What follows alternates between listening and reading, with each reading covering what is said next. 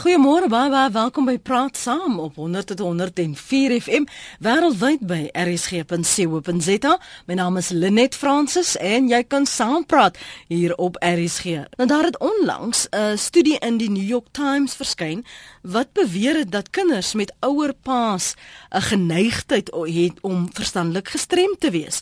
Maar dit is natuurlik ook uh, die maart waarin ons fokus op verstandelike gestremdheid en ons praat vanoggend juis of ons genoeg doen word die regte van verstandelike gestremdes raak gesien. Is een ding om te sê ons het 'n grondwet en ons het 'n handves van menseregte, maar dis 'n ander ding om dit werklik toe te pas en dit te eer. Ons praat vanoggend met Dr Gerald Grobler, hy's president van die Suid-Afrikaanse Vereniging vir Psigiatrie en hy's ook hoof van psigiatrie by die Steve Biko Akademiese Hospitaal. Goeiemôre Dr Grobler, dankie vir jou tyd. Goeiemôre Lenie, dankie vir die uitnodiging. En dan gesels ons ook vanaf die Suid-Afrikaanse Federasie vir Geestesgesondheid. Gesels ons met uh, die adjunkdirekteur daar, Leon de Beer. Goeiemôre Leon. Haai, oh, goeiemôre Lenie. Baie dankie vir julle tyd vanoggend. Ek weet nie, dra enige twee julle van julle kennis van hierdie uh um studie in New York dalk? Uh, ja, Lenie, dit is 'n uh, studie wat gepubliseer is in die New York Times, maar dit kom eintlik van die Journal of the American Medical Association of JAMA. Ehm um, in die verwys aan die studies twee studies wat in ehm um, Swede gedoen is. Mhm. Mm en wat die studies basies gevind het is dat ehm um, in mans ehm um, wat pas word na 45 is daar 'n hoë insidensie van verskeidenheid van psigiatriese toestande uh insluitend autisme, ehm um, psigotiese versteurings en ook bipolêre versteuring.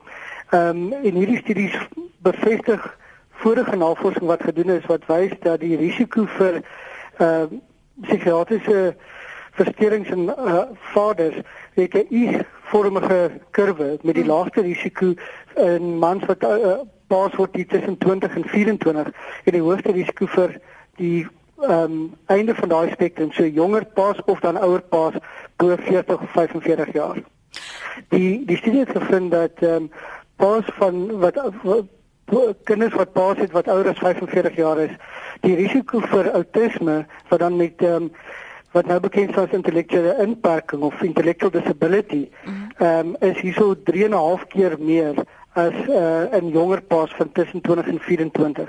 Maar dit is nie net vir uh, autisme nie, dit is ook vir aandaggebrek, hiperaktiwiteit of ADHD mm. waar die risiko 13 keer hoër is, bipolêr omtrent 25 keer hoër ehm um, selfmoordrisiko's 2,7 keer meer en uh, psigose ook hier rondom die 2 keer. Maar as ek reg dat in die verlede het ons meer klem gelaat op die die maas en die risiko's wat maas geloop het uh, veral in die sekere ouderdom. So uh, hierdie is eintlik nie dat daar nie net na die vroue gekyk moet word nie, maar ook na die man se ouderdom. Korrek. Daar is meer klem in die verlede gelê op ehm um, maternale ouderdom, maar daar's al meer bewyse dat in ouer paas is daar ook 'n verhoogde risiko omdat spermatogenese beïnvloed word soos wat paas ouer word. Ehm um, daar is 'n hele klomp studies wat wat na hierdie risiko's begin kyk het van hierso ehm um, 2006 aan. Mm. Is daar meer navorsing gedoen oor paas? So die kwaliteit van van 'n man se sperm wat ook na gekyk word. Kan ons net terugkom na 'n ander hofsaak wat jou aandag getrek het dokter Grobler? Dis 'n hofsaak in Arizona en dit jy gaan nou die konteks gee net vir ons luisteraars ja. dat dit wil onder meer bepaal of geestelike gestremde mense die doodstraf moet kry. Korrek. Ehm um, die oorspronklike uh, saak was Atkins versus Virginia, uh, uh, die staat van Virginia in 2002 waar die Amerikaanse Hooggeregshof, die Supreme Court gesê het dat dit onkonstitusioneel is om mense met intellektuele inperking die doodstraf te gee ehm um, dit word gesien as uh, die sogenaamde cruel and unusual punishment. En daar is nou 'n saak uh, dit is ehm um, Hall versus Florida, nie nie Arizona nie. Mm. Hall versus Florida wat nou in Maart aangehoor gaan word deur die Hooggeregshof. Eh uh, 'n man met die naam van Freddie Leo wat aangekla is van verkrachting en moord. Ehm um, wat ondersoek is deur die hof en sy verdediging was dat hy uh, geestesongesig of dat hy intellektuele inperking het. Ehm um, Nou, dit is waar die die nuance inkom. Daar's drie soort van bene waarop uh, die diagnose gemaak word. Die een is rondom die aanvang van ouderdom mm. of ouderdom van aanvang. Die tweede is intellektuele funksionering wat gemeet word met 'n met 'n IQ toets of 'n scan van ander toetse en dan wat in die literatuur bekend staan as adaptive functioning wat ek nou maar vertaal het as uitvoerende funksionering of funksionering. Ehm um, en wat in hierdie saak gebeur het is dat sy intellektuele toetsing met 'n afsnypunt van 70 het hy 'n tand van 71 gekry en daarom het die die hof besluit wel ehm um, hy voldoen aan die kriteria van intellektuele inkorting nie want sy IQ toets is te hoog en daarom kan ons hom die doodstraf toedien. Ehm um, 'n verskeidenheid van organisasies onder andere die Amerikaanse Psigiatriese Vereniging ehm um, en ander belangeorganisasies het toe vertoog gerig tot die Hooggeregshof om te sê dat dit is nie in die gees in die ehm um, ooreenkoms van die Atkins bevindings in 2002 dat hierdie persoon die doodstraf moet opgelê word nie. Alhoewel sy toets streng gesproke, jy weet nie aandui dat hy intellektuele inkorting het nie. Moet mense na die breër prentjie kyk. En mense moet na al drie hierdie bene kyk mm. voordat mense besluit neem dat die persoon die doodstraf kan kry. Daar's nou sommige mense wat sal redeneer dat as jy 'n kind het wat verstandelik gestremd is of intellektuele inperking het, dan is dit soos 'n doodstraf en het het ons al daar verbygekom. Um Leon dat ons nie meer so daarna kyk nie. Ehm um, ja, I mean ek ek ek dink dit is dit is 'n dit is 'n traumatiese ehm um, ondervinding vir enige familie, maar ehm um, jy weet daar is daar is dienste en daar is opsies vir vir vir families met kinders met ehm um, intellektuele inperkings. So jy weet in in as 'n as 'n ehm um, 'n human rights organisasie probeer ons ehm um, jy weet ons probeer mense ehm um, inlig daar jy weet oor, oor die feit dat daar daar, daar is opsies daar is ehm um, jy weet dit is definitief nie 'n doodstraf nie. Mm. Ehm mm. um, jy weet en en en en ons probeer mense ehm uh, motiveer om die nodige ondersteuning te kry vir hulle families. Uh jy weet vir die ouers maar ook vir die kinders om jy weet om om seker te maak dat hulle ehm um, jy weet goeie lewens kan lei so ver as moontlik. Maar wat is daar in ons geskiedenis waar ook al in die wêreld waar geestelike gestremde mense die doodstraf gekry het? As jy sê gebeur? Is daar in ons geskiedenis 'n uh, tydvak waar geestelike gestremde mense wel die dood, doodstraf gekry het net omdat hulle anders is? Ehm um, ek is nie seker of, of daar Dr. Grobler? Ja, nee, daar is definitief gevalle uh die beste gevalle is in Amerika. Ehm um, maar en dit is wat juist waarmee Atkins uh ehm um, so toetsaak gekom het. Dit was definitief gevalle waar mense met uh, geestesinperking of intellektuele inperking die doodstraf opgelê is en die gevoel was dat dit is onregverdig. Dit ek ek ek ek ek kan nie glo dit het net omdat iemand anders is dat jy die doodstraf oplê. Ek kan nie verstaan wat die motivering vir so ietsie hoe regverdig jy dit? Ehm Ja, ek dink aan twee kante van die saak. Ek dink mense met 'n uh, eh, intellektuele inperking het soos enige ander lid van die gemeenskap ook die potensiaal om die wette oortree en uh en sekerlik ernstige oortredings aan te gaan um, wat ge gepaard gaan met aggressie en geweld en uh vernietiging van eiendom en dies meer en ek dink hulle word dan ook soos enige ander lid van die publiek strafregtelik aangespreek.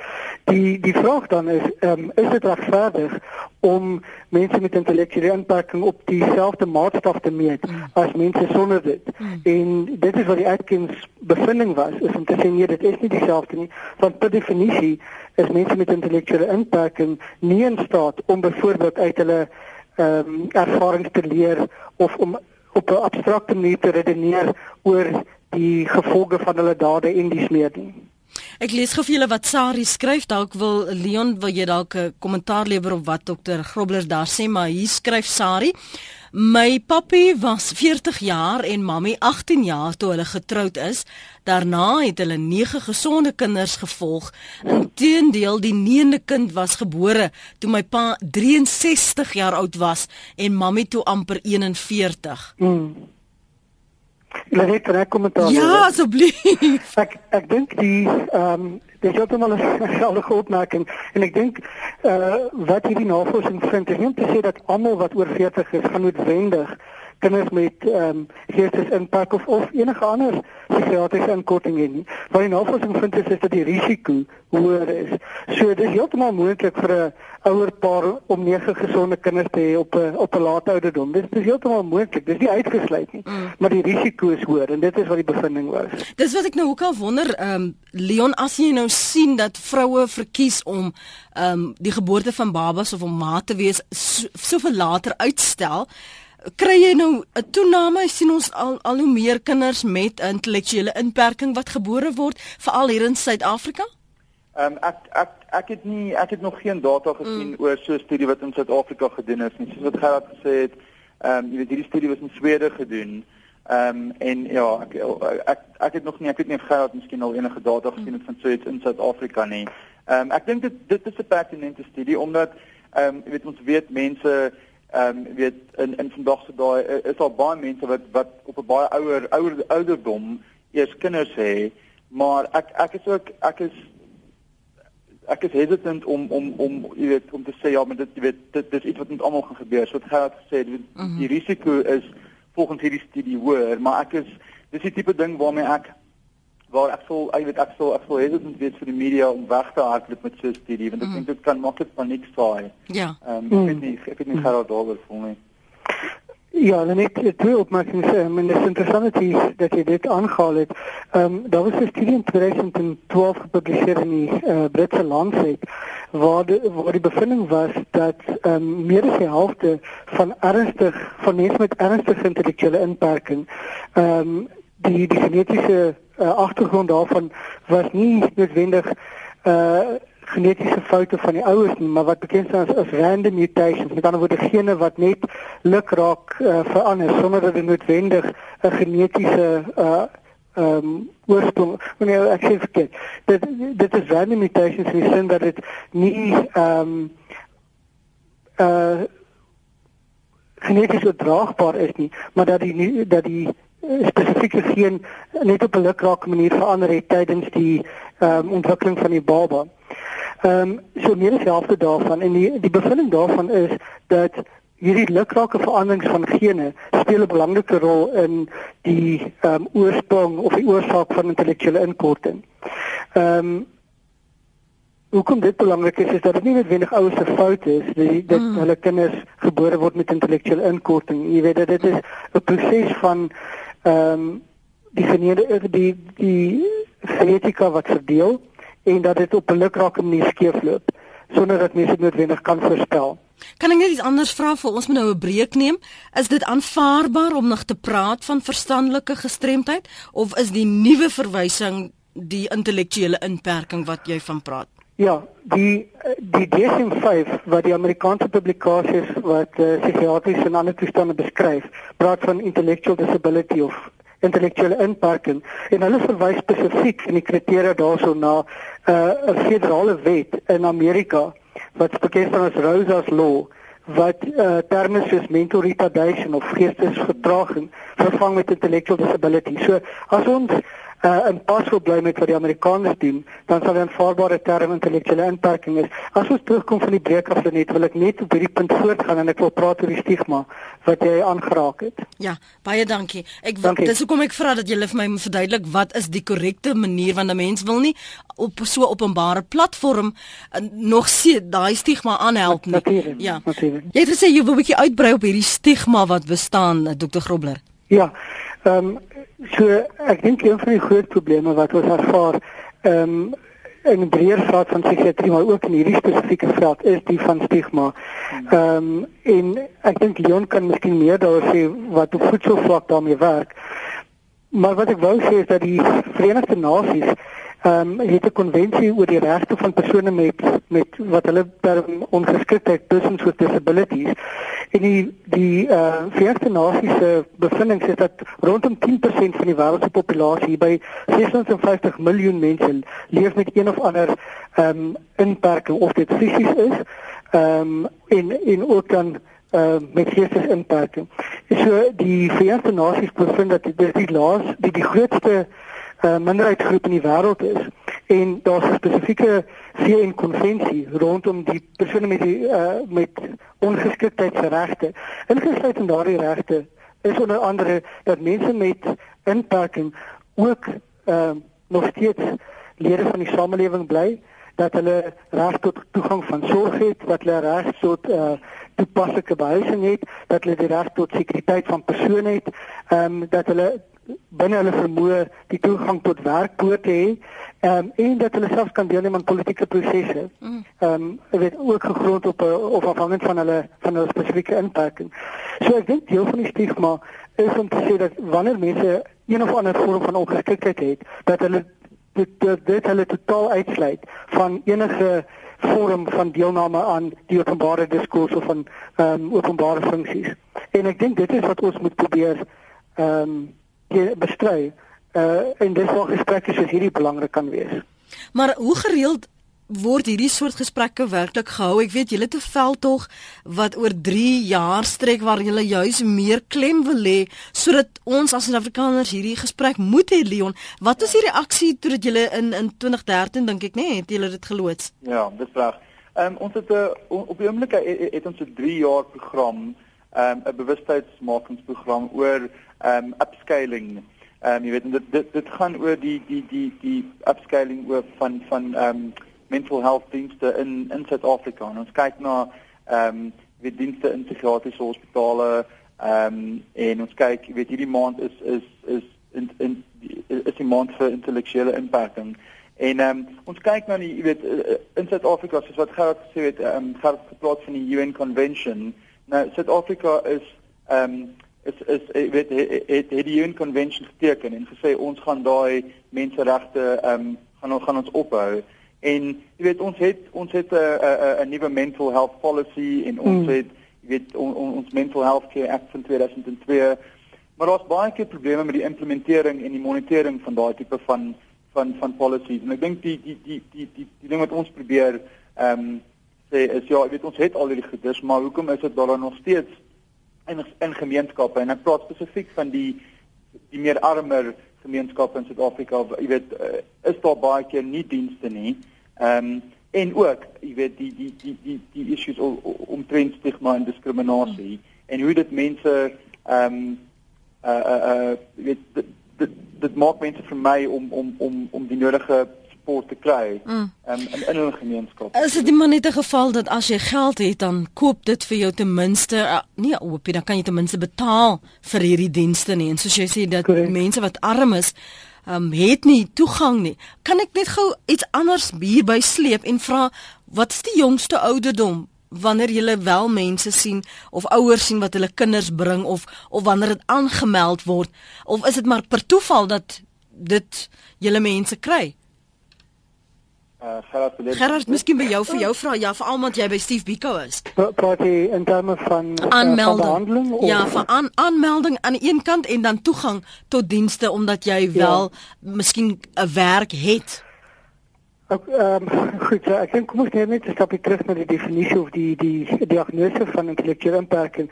En ehm um, in die deel van daardie diagnose is dat hierdie is 'n verstoring wat begin gedurende die die uh, ontwikkelingsperiode, met ander woorde gedurende kindertyd. Nou uh per definisie moet dit dan voor die ouderdom van 18 wees waar die pasiënt presenteer met simptome van intellektuele inkorting. Maar uit die aard van die saak is dit 'n deurlopende proses. So hmm. soos wat kinders ontwikkel, ontwikkel hulle vaardighede en kinders met intellektuele inperking het dan miskien op 'n spesifieke stadium 'n uh, probleem met 'n spesifieke uh vaardigheid en wat dan manifesteer. Met ander woorde, as 'n kind byvoorbeeld geringe intellektuele inkorting het en en nou net met syfers sukkel, sal mense dit eers op 'n later ouderdom sien as waar jy 'n kind het wat byvoorbeeld cerebrale parese het en wat ehm um, ernstige kommunikasie inkorting het plus motoriese inkorting en so meer wat mense op 'n vroeë ouderdom sal sien. So ek dink daar's 'n spektrum van presentasie afhangend van die graad en dan ook die aard van die inkorting wat 'n mens kan sien. Maar jy weet mense kan op 'n jong ouderdom in in sommige gevalle kan 'n mens sien dat daar is kommunikasieprobleme probleme. Ehm um, in die geval waar intellektuele inperking saam met autisme voorkom, sal 'n mens van wanneer kinders sosiaal begin interaksie hê, so van ouderdom 2, 3 sien maar hierdie kind is is anders as ander kinders. Hy die kind het nie interaksie met my nie. Hulle uh volg nie my oë nie. Hulle kyk nie na my gesig nie. Hulle luister nie as ek praat nie, jy weet. En dit kan op redelike vroeë ouderdom wees terwyl ehm um, mens kan dalk so eers nou in 'n hoërskool waar daar dan fyn nuances van sosiale interaksie byvoorbeeld met 'n lid van die ander geslag is waar jy kan agterkom maar hierdie persoon sukkel. Ehm um, antwoord dit jou vraag net? Ja, ja, dit beantwoord my vraag deels. Ek ek het nou gewonder as jy praat van jy sukkel nou al 3 jaar, jy is nou besig met die veld tog al 3 jaar Leon. In hoeverre bereik jy die mense wat nie toegang het tot julle dienste nie? Ehm um, net net net om net net 'n net 'n correction. Ons het die die veld tog laas jaar begin. Mm. So ons het nou net klaar met die amper klaar met die eerste jaar. Ehm um, ek dink dit dit dis 'n proses. Ek meen ons organisasie is 93 jaar mm. oud en hulle jy weet die organisasie doen al vir jare ehm um, bewustheidsmaking en dit is baie moeilik om om by almal uit te kom. Mm. Ek weet dis dis een van die groot probleme wat ons as as as 'n NGO het is jy weet is is is ons resources is jy weet ons ons het wat ons het en en en dis dis baie keer baie min ja, om by die hele by die hele populasie uit te kom. So Ek dink ons probeer ehm um, ek is van die nasionale kantoor en ons het 17 ehm um, mental health societies wat in gemeenskappe in Suid-Afrika gebaseer is en ons on, ons probeer deur hulle werk om by spesifiek die die die die meer wat ons noem vulnerable ehm um, communities uit te kom om om hierdie boodskappe deur te dra. Meeste ouers erken dat hulle ouerskapstyl meer ontspanne is met sogenaamde laat lammetjies. Wat sou die invloed daar wees op iemand met geestes of intellektuele inperking? Um is daar 'n verandering? Ek weet nie eintlik wat die luisteraar hier vra nie. Ek, ek weet nou nie of dit sin speel op die wyse waarop jy die kind grootmaak nie. Um, maar kom ons probeer liewer iets uit daar uittrek en praat oor die die die ouerskapstyl van en die uitdaging, die uitdaging om 'n kind groot te maak wat intellektueel ingeperk is. Ek net vir ons dalk kan net terug na die vorige punt hier. Hmm. En dit is dat ek dink daar's twee elemente ehm um, aan die om effekte gee aan die aan die konvensie. Die een is beleid in eh uh, ek dink beleidsmakers in Suid-Afrika is baie bewus van die konvensie en die mense met wie ek praat en met wie ek te doen het uh, is baie bewus en is, is baie ten gunste van die beleid. So dit gaan oor uh, beleid, maar dit is om die deurvoering van daai beleid tot op grondvlak te kry. En dit is waar hulpbronne nodig is en dit is waar ons baie keer vasbrand dat daar net nie genoeg geld is of net nie genoeg uh, fasiliteite is om 'n baie goeie beleid deur te voer nie. Um, Leon het gepraat oor die oor die mental health policy. Ons is baie bly oor die mental health policy. Dit dit kom uit werk wat uh, waaraan ons ook deelgeneem het aan SASOP. Ehm um, en waar wat gelei tot die Ekurhuleni deklarasie van ek dink 2012, maar om dit te omskep in praktiese hmm. en tasbare veranderings op die grond. Dit is waar die knoop lê en ek dink dat ons as die professionele gemeenskap uh, in terme van psigiaters en sielkundiges en maatskaplike werkers ook met nie-regeringsorganisasies en met aktiviste moet saamwerk om te kyk hoe ons tasbare veranderings op die grond kan regkry. So in terme van jou vraag rondom ouerskapstel Ehm um, ek kan ek, ek net my vraag, ekskuus, kan ek net my vraag ja. onderbreek? Ek het nou 'n aantekening gemaak dat ons dan terugkom na daai uitdagings om 'n kind hmm. so groot te maak. Ek wil net 'n ander punt wat 'n luisteraar hierso ehm um, na na verwys met julle bespreek. Veral daar was daar was tye tye wat ons spesifieke en julle moet my reg help, maar ek ken dit net as 'n inrigting. So wat ek weet nie watter is die aanvaarbare term daarvoor nie. Waar kinders met intellektuele inperking gestuur is en daar was opleiding en daar was skoling en so aan. Mm. Maar baie van daai plekke is gesluit. Mm. Waar waar is hierdie kinders? Waar is hierdie uh, volwassenes? Wie kyk en sien om na hulle vandag? Ja. Wel, Uit my perspektief is baie keer net nie families of nie regeringsorganisasies ja. soos soos Leonsen.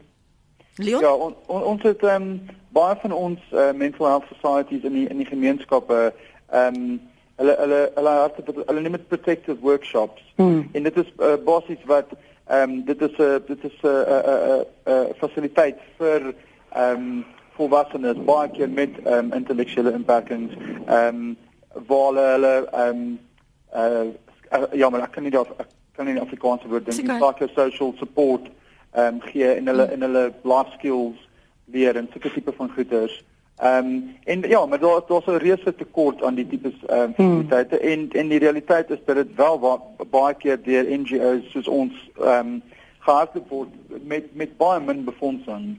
Ehm um, ja. Nee nou, hoekom dink julle is daar so gesloer en 'n gesukkel met die implementering van hierdie beleid en die monitering? Jy het gesê dis 'n tekortkoming daarso. Ja. Ehm um, hoekom dan? Is dit net omdat mense voel of dan nou die regering voel wel ons het 'n paar instansies hulle moet maar namens die uh men, die gestremdes praat.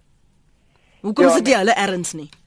Ek ek ek ek kan nie kommentaar lewer op wat die regering dink of wat hulle nie dink nie, maar mm. ek meen die die die die realiteit is dat op die oomblik ehm um, kry die die mental health veld in Suid-Afrika 'n baie lae uh, persentasie van die van die health budget. Ehm um, jy weet ongeveer by die 4%. Ek weet nie of dit miskien nou 'n bietjie meer, maar dit is dit dit dis baie laag. So die werk wat wat wat gedoen kan word is is jy weet op op gemeenskapsvlak is regtig baie baie baie min. En ehm um, jy weet organisasies soos ons probeer om soveel as moontlik te doen met so min as moontlik. Hmm. Ehm um, ja, dit is gerad net al dalk Nee, ek, ek kan ondersteun ek weet ek kan nie namens die regering praat of die beleidsmakers praat nie en ek ek weet nie wat die gesprekke in die binnekringe daar is nie. Ehm um, maar ek ek dink as mens kyk na die impak van uh, die totale psigiatriese wat bekend as burden of disease in die befondsing dan is dit uh, nie in pas met mekaar nie. Hmm. Ja, dit is 'n vraag wat jy ja. regerings verteenwoordiger kan vra. Ja. Dis dit dis my deels daarvan, maar as ek byvoorbeeld sien wat gebeur nou in onderwyskringe, hoe jy al hoe meer 'n uh, nie regeringsorganisasies sien wat mobiliseer waar uh, dit belangegroepe is wat saam staan en die regering hmm. hof te neem en aanspreeklik hou vir dit wat hulle veronderstel is om te doen. En nou wonder ek hoe gefragmenteer is hierdie veld as um niemand nog op hulle druk geplaas het om te sê nou hoekom kry ons dan nog net wat 3-4% van hierdie begroting? minister Aaron Motsoaledi wat dan van dit? Wat dan van dit? Waarom nie vir hulle verantwoordelik hou daarmee oor nie? Ja, ek dink een een een van die goed is wat ons van ons kan probeer doen en dit is dit is regtig vir ons probeer uitkom met hierdie 3 jaar veldtog van ons. Ehm um, wat ek nie vroeër gesê het nie is dat hierdie 3 jaar veldtog van ons dit is bewustheidsmaking maar ons doen ook ook op die oomblik bietjie navorsing in terme van jy weet wat gebeur in die gemeenskappe en een van die goedes wat ons graag mee wil uitkom oor jy weet aan die einde van die 3 jaar is 'n uh, ehm um, uh wat is nou my advocacy dokument wat ons na die regering toe kan kan vat en sê actually dit dit is dit is die dis die prentjie in in in die gemeenskappe in Suid-Afrika en en jy weet hoe jy weet dit, dit word nie aangespreek nie. Ehm um, en en ons het rarig meer befondsing nodig op voor. Ja. Ek dink net die ander perspektief is dat dit ook 'n multisektorale veld is binne die regering want daar is die departement van gesondheid wat sekere dienste het en daar is die departement van sosiale ontwikkeling wat ander dienste het en jy weet ek dink dit is ook eh, 'n uh, geval van ons met hierdie ehm um, organisasie of hierdie departement met mekaar laat praat om hulle uh programme te uh, weet bymekaar te voeg. Mm. Ek wil laat komplementeer. Ja. Ons het net ou gesels, die luisteraar het 'n SMS gestuur wat gepraat het oor hoe moeilik maklik dit is om 'n kind wat dan nou intellektueel ingeperk is groot te moet maak. Benewens die koste. Waar begin 'n mens? Eh, Leon, wie begin? Ja, Leon, waar die begin, begin by die begin, maar waar? Waar is dit? Wat is die eerste groot uitgawe om seker te maak jou kind ehm um, is okay, neem ek aan? Ja, ehm um, Gerard, ek weet nie of jy jy's miskien bietjie uh, oh, weet ek ek ek ek is nie 'n psigiater of so ja, ek mm. werk nie direk met met ehm um, met families nie. So ek is nie eintlik okay. ek ek kan nie eintlik daarop kommentaar lewer nie. So, net ek ek hoop jy kan my nou 'n bietjie beter hoor. Dankie ja. Ja, ehm um, so ek dink daar's 'n paar elemente hier. So die een is uh jy het gepraat oor die ouerskapstyl en ek dink dit is so dat ehm um, ouers wat op 'n later leeftyd uh kinders kry, is oor die algemeen meer seker van hulself. Hulle is miskien finansiëel 'n bietjie meer stabiel as jong ouers. Ehm um, en hulle is, is meer gemaklik en, en rustiger. So dit is een kant van die saak.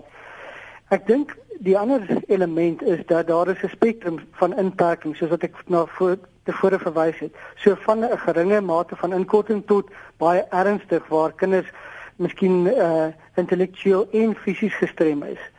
So ek dink daardie twee elemente saam plus dan finansiële eise en die ouers se vermoë om daan ehm um, om dit te, na te kom uh, en wat verdere las op ouers kan plaas, kan alles bydra tot die uh die graad van moeilikheid om kinders met intellektuele impak groot te maak. Mm. Ek dink as 'n mens 'n kind het met geringe tot matige inkorting, jy is 'n persoon wat uh, rustig is en kalm is wat min goed ontstel en jy is finansiëel welvarend, dan is dit redelik maklik om jou kind te versorg en en groot te maak en jy kan maklik met die uitdagings daarvan oor die weg kom. As jy ehm um, jy weet finansiële tekorte het, uh, geen vooruitsigte dat dit gaan beter gaan nie en jy het 'n ernstige gestremde kind wat uh, aggressief reageer of met wie jy nie kan kommunikeer nie en wat jy sukkel om te versorg, dan is is die uitdagings natuurlik baie meer. So ek dink daar's 'n paar speel hm. by hoe maklik of hoe moeilik dit is om uh, kinders te versorg. Een van die goed wat ek baie keer sien is en veral in ehm um, bejaarde ouers is dat hulle bewus is van hulle eie Eh, van hulle eie situasie van hulle eie mortaliteit en dat hulle mm. sê maar wat gaan vir my kind word as ek nie meer daar is nie jy weet ek is heeltemal bereid om my kind te versorg terwyl ek hier is selfs op my ou dag maar ek is bekommerd dat my kind is 'n volwassene is 30 40 jaar oud 50 jaar oud ek is 80 en ek weet dat ek nie jy weet dat ek nie altyd hier gaan wees nie wat gaan dan vir my kind word mm. en dit is waar versorgingseenhede en um, uh ondersteuningsnetwerke soos wat Leon se organisasie is dan baie belangrik word. Hoe is die kering? Hoe besluit julle binne daardie spektrum van versorgingseenhede wanneer 'n persoon liewer in 'n een eenheid moet bly of wanneer hulle nog uh, deur hulle ouers versorg kan word, uh, Leon? Wat is die kriteria? Ehm um, ek is nie presies seker wat die kriteria is mm. van die mental health societies wat die wat die wat die fasiliteite ran nie, maar ek dink Ehm um, ek dink nie hulle sal sommer enige iemand wegwys nie. Ek het soos ek gesê het ons werk hulle jy weet hulle werk um, in in in baie arm deprived ehm um, uh, gemeenskappe waar waar mense gewoonlik nie eintlik baie opsies het nie. En en ek dink hulle sal probeer mense te te te ondersteun soveel as wat hulle kan. Ehm um, jy weet met met die met die ehm um, beperkte hulpbronne wat hulle het. Ek wil lees gou vir julle van die SMS'e wat ons luisteraars kry. Knop maar die oor as jy daarop reageer. Hmm. Ehm um, verwys daarna asseblief. Uh, goed, kom diep asemhaal. Ons het 'n 9-jarige Down syndroom dogter. Met haar geboorte was ek 33 jaar oud en my man 35. In ons families is daar glad nie enige persoon met Down syndroom of enige intellektuele probleme nie. Mm. Die dokter het dit destyds as 'n accident of nature beskryf. Mm. Sy is tans in graad 1 in 'n gewone hoofstroom skool, 'n laerskool Louis Leipold in Pretoria. Ons kry baie positiewe ondersteuning van die onderwysdepartement en die Down syndroom vereniging. Ons was ook bekommerd oor die stigma wat aan sulke kinders gekoppel word, maar ek kan met 'n eerlike hart sê die maats by die skool en almal met wie sy in aanraking kom, behandel haar baie goed. Dis mm. Annelie se SMS daardie. Dan sê 'n ander luisteraar, ehm um, waar okay dis nou is nommers van inrigtinge vir 18-jarige verstandelike gestremdes is daar dan geen plekke nie. Ons is regtig so moedeloos. Miskien ja. kan ons Leon aan die einde van die program bietjie daarna verwys. Dan sê 'n ander luisteraar, jy het genoem dat die verbeteringsskole gesluit is. Ek het 3 Ek het 3 onderwysers in my familie wat sê die leerders met intellektuele inperking moet nou saam met normale leerders in 'n gewone skool wees want hulle moet dieselfde behandeling uh, word. Hoe werk dit? Doen dit dan nie meer skade nie? Kom ons staan daarby stil, veral omdat dit raak aan persepsies en die feit dat ons woorde soos verbeteringsskole gebruik het destyds mm. asof die kind moet inhaal want hulle is nou nie so aanhalingstekens normaal soos ander nie. Ja, ehm um, ek ek ek het vir kinders geken en ek kan nie kommentaar lewer mm. op die verbeteringsskole nie. Ehm um, die dit dit dit is so dat die moderne neiging is om kinders met spesifieke gestremdhede ook in hoërskoolskole te probeer ehm um, akkommodeer. Uh en ja, dit dit is sekerlik 'n moeilike vraag of dit nie hulle meer skade doen of nie. Ehm um, ek dink dit hang van individuele gevalle af soos wat ons nou net van die vorige luisteraar gehoor het. Mm. Ehm um, In Down syndroom weer eens is daar uh, 'n uh, spektrum van van inperking. Uh en ek dink wat waarskynlik daar gebeur het is die sogenaamde mosaïekpatroon trisomie 21 wat uh, na geboorte ehm um, of nie na geboorte na bevrugting uh wanskeiding is van die selle of van die kromosome ten minste. So ek dink dit is baie bemoedigend as ons positiewe stories dit kan hoor van mense kan sê maar my kind is in hoërskool en word baie goed behandel en ons het die nodige ondersteuning van die skool en van 'n 'n nuwe regeringsorganisasie soos die Down uh, syndroom vereniging. Dit is jy weet dis baie goed om te hoor. Julle hierop moet jy nou eers reageer Leon. Depressieleier se e-pos sê Ek was by 'n bekende privaat hospitaal in Kaapstad vir depressie opgeneem as in 'n psigiatriese saal opgeneem. Terwyl ander sale luukse sitkamers het, leerstoele, is die psigiatriese saal op 'n dakstoep wat rokers en duwe besoedel. Ek het 'n end gaan stap en is deur 'n sekuriteitsbeampte in die openbaar hardhande gehanteer. Psigiatriese eenhede is oral die swart skaap van die gesondheidstelsel. Ek dink dit is dit is definitief jy weet as jy teruggaan na na ons ons fokus op upscaling ehm um, die die ek dink die navorsing wat wat ehm um, beskikbaar is in Suid-Afrika ehm um, wys definitief dat daar uh, jy weet dat die baie van psigiatriese units ehm um, is is jy weet uh, is rarig nie in 'n goeie ehm um, in in 'n goeie toestand nie. En ons weet dat daar daar groot jy weet daar daar sou is baie van die van die plekke wat al toegemaak is omdat dit nie ehm um, dit dit dit is nie fit for human habitation gewees nie. Ehm um, so daar dit is definitief 'n probleem en dit is dit is die tipe goedes wat ons die regering ehm um, verantwoordelik wil hou. Ehm um, om te sê wel jy weet hierdie goedes is daar en en en jy weet dit dit dit is onaanvaarbaar. Ons vra vanoggend ja. Dit. Asseblief ja. Ehm um, ja, ek ek moet dit ondersteun dat ek dink daar is baie probleme met ons fasiliteite. Die onder die ehm um, nuwe NHI plan is daar 'n nuwe uh oorsigsliggaam gestig, die sogenaamde Office of Health Standards Compliance. En die idee agter die Office of Health Standards Compliance is dat daar spesifieke standaarde sal wees vir beide privaat en staatshospitale en hierdie kantoor, hierdie Office of Health Standards Compliance, se taak sal wees om elke inrigting wat bekend staan 'n health establishment om dit te ondersoek om te kyk of hulle voldoen aan daardie uh, standaarde. En ons hoop is dat dit ook sal oorspoel in die psigiatriese eenhede mm. en die ehm um, die fasiliteite binne psigiatriese eenhede om seker te maak dat dit geskik is vir die pasiënte met psigiatriese uh toestande. En ek is ek is baie jammer om te hoor van die luisteraars se uh, se negatiewe ervaring van 'n psigiatriese eenheid en 'n volle privaat psigiatriese eenheid. Jy het net nou gepraat en ek wil gou daarby stil staan so daaraan geraak net voor die breek hoe die bevoegdheid van 'n uh, persoon bepaal dan word wanneer ja. hulle nou onafhanklik kan wees en vir hulle self kan sorg. Byvoorbeeld 'n werk kan hê. 'n ja. 'n woonstel kan huur of 'n huis kan koop. Goed. Hoe word dit bepaal? Ek is baie bly jy raak dit aan. Ek het vroeër gesê dat die diagnose van intellektuele beperking berus op drie bene. Die een is 'n is 'n IQ toets of 'n ander soort gelyke standaard toets en die ander een is die sogenaamde funksionele kapasiteit wat ek nou maar vertaal van die Engelse ehm um, adaptive functioning. En dit berus op drie bene. Die een is akademiese domein, 'n sosiale domein en uh, dan 'n wat bekend as 'n praktiese domein.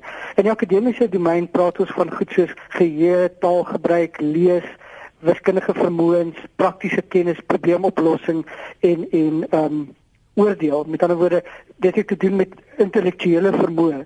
Die sosiale domein het te maak met goed soos uh kommunikasie byvoorbeeld om mense se intensies te kan lees uit hulle liggaamsgedrag of of dit wat hulle sê, weet is mense sarkasties met my of praat hulle ironies of praat abstrakt of nie abstrakt nie. Maar ook om bewus te wees van ander mense se emosies om empatie te hê met mense, om mense se gedagtes te kan aflei uit hulle gedrag en wat bekend staan as sosiale oordeel, te weet wat om te sê in 'n sosiale ehm um, situasie of, of wat nie te sê nie. En die derde element is dan die sogenaamde praktiese domein en dit het te maak met goed soos die vermoë om geld te bestuur, om ehm um, ontspanningsaktiwiteite te hê om jouself te versorg in terme van higiëne, uh aantrek, uh kos maak. Ehm um, dit het te maak met uh goed soos werksvermoë. So wat jy mens sal doen wanneer jy 'n persoon met intellektuele impak ondersoek is om na hierdie drie domeine te kyk. Ehm um, en die die opleidings en opvoedingsstelsel kyk spesifiek nie na die intellektuele of die akademiese domein jy weet nie soveel na die die oor sekerlike element van die sosiale domein daarin ook. Ehm um, en dit is wat wat ons baie keer vind is daar's 'n diskrepansie. So iemand kan byvoorbeeld baie goed in 'n akademiese domein verkeer, maar in die sosiale domein sukkel hulle. Baie algemeen iemand met byvoorbeeld uh, autisme, mm. jy weet met Asperger syndroom, terwyl 'n uh, persoon op uh, met 'n ernstige uh, intellektuele inperking op al drie hierdie domeine sukkel en dit is die tipe van persoon wat dan uh, byvoorbeeld nie werk sal kan hê nie, nie onafhanklik sal kan woon nie en ook nie op skool sal vorder nie. Ek wil net na 'n ander ehm um, konsep toe kom en dit is die die hele kwessie van diskriminasie. En ek dink ons grondwet maak voorsiening vir uh, die reg tot non-diskriminasie behalwe wat in die grondwet bekend staan as regverdige diskriminasie en ek dink ons moet baie mooi dink oor die konsep van regverdige en nie regverdige diskriminasie. Stigmatisasie per definisie is onregverdige diskriminasie. Dis wel mense se inherente waardigheid en privaatheid geskend word bloot omdat hulle 'n uh, geestesiekte of 'n intellektuele inperking of selfs 'n fisiese inperking het. Maar ek dink die die konsep van regverdige diskriminasie is iets wat ons baie keer oor die hoofd sien en wat ons miskien weer aan met ander gee. Die geval van ehm um, Hall versus Florida is 'n element daarvan. Jy weet om 'n persoon met intellektuele inperking deur 'n hofsaak te sit en uh tereg te stel, sal kan 'n mens sien as as onregverdig en dit is onregverdige diskriminasie. So in daardie geval sal regverdige diskriminasie wees om te sê ons gaan jou nie teen dieselfde maatstaf meet as wat ons mense sonder intellektuele inkorting nie. Met ander woorde dit is diskriminasie, maar dit is positiewe diskriminasie, dis geregverdigde diskriminasie. En in daardie konstruk moet dink ek moet ons te kyk na ehm um, dit is mense met intellektuele inkorting se reg om meer beskerming te hê as mense wat nie dit het nie omdat hulle nie na hulle self kan omsien nie. Ja. So dit is diskriminerend, maar dit is positiewe diskriminasie in die guns van 'n persoon met intellektuele inkorting. Ek hoor jou, ek hoor jou. Sjoe, ek, ek sal ons nog 'n bietjie verder juis oor die implikasies van daardie hofsaak in Florida wou gesels, mm. maar die tyd het ons nou ingehaal. Ek wil net vir Leon herinner, is daar 'n algemene nommer Leon wat ons luisteraars kan skakel as hulle meer wil uitvind omtrent die dienste en die toegang tot dienste en waar dit geleë is? Ja, en hulle kan ons kontak by die nasionale kantoor. Dit is uh Johannesburg 011 ja. 781 1852. 1852. Kom ek herhaal weer. 011 781 1852. Baie baie dankie vir julle tyd vanoggend en julle beskikbaarheid. Soos altyd uh, uh waardeer ek dit Dr Gerard Grobler, president van die Suid-Afrikaanse Vereniging vir Psigiatrie en hy's ook hoof van psigiatrie by die Steve Biko Akademiese Hospitaal. Dankie vir jou tyd ook Leon en sterkte met die werk wat julle in Suid-Afrika verrig. Okay, baie dankie. Baie dankie. Totsiens. Totsiens. Leon de Beer is die adjunkdirekteur by die Suid-Afrikaanse Federasie vir Geestesgesondheid en jy kan hulle bel op 011 781 1852 011 781 1852